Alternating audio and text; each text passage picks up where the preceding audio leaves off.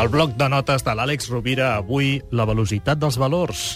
Àlex, molt bon dia. Molt bon dia, Gaspar. De què parles quan parles de la velocitat dels valors? Doncs que cal desenvolupar una saviesa del temps, que hi ha un temps per escoltar i un temps per callar, i un temps per sembrar i un temps per recollir, i que últimament s'ha parlat molt de que aquesta crisi que estem vivint és una crisi de valors, i és cert, però potser valdria la pena aprofundir-hi molt en, aquest, en aquesta idea. I aquest estiu, endreçant llibres i fent regal de llibres, a mi m'agrada molt renovar i regalar molts dels llibres.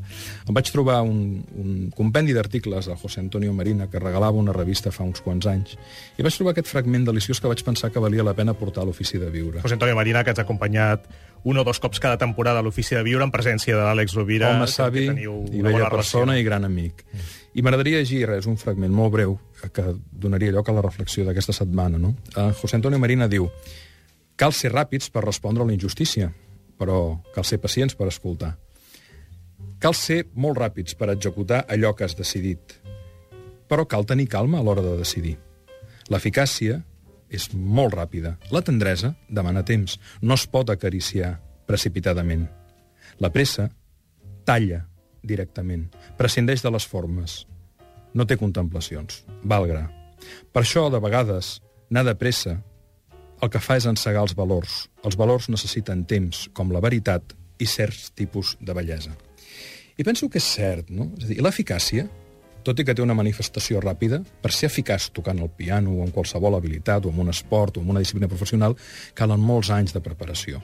La humilitat és un valor que es va coent lentament amb la reflexió sobre la vida i amb les pròpies experiències o bufetades que et dona la vida. El coratge, que té una manifestació immediata, el que defensa a la persona estimada sobtadament, um, ha conquerit aquest valor probablement enfrontant-se a, a moltes coses de la vida.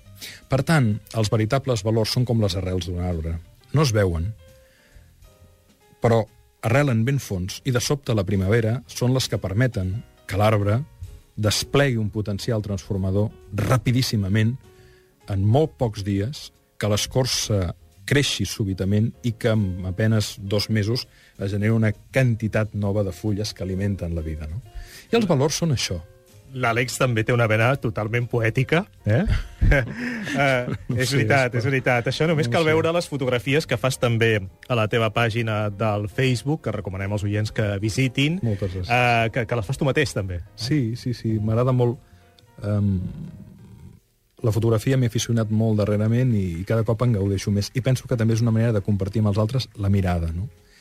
I tornant a això que dèiem dels valors, efectivament, penso que et, cal conquerir-los, i una conquesta no és fàcil, però un cop els has incorporat en el teu joc experiència, et permeten ser molt més eficient en la gestió de l'existència el bloc de notes de l'Ofici de Viure de Catalunya Ràdio d'Àlex Rovira. Àlex, fins diumenge, que tinguis una setmana plàcida. Moltes gràcies, Gaspar. Una abraçada.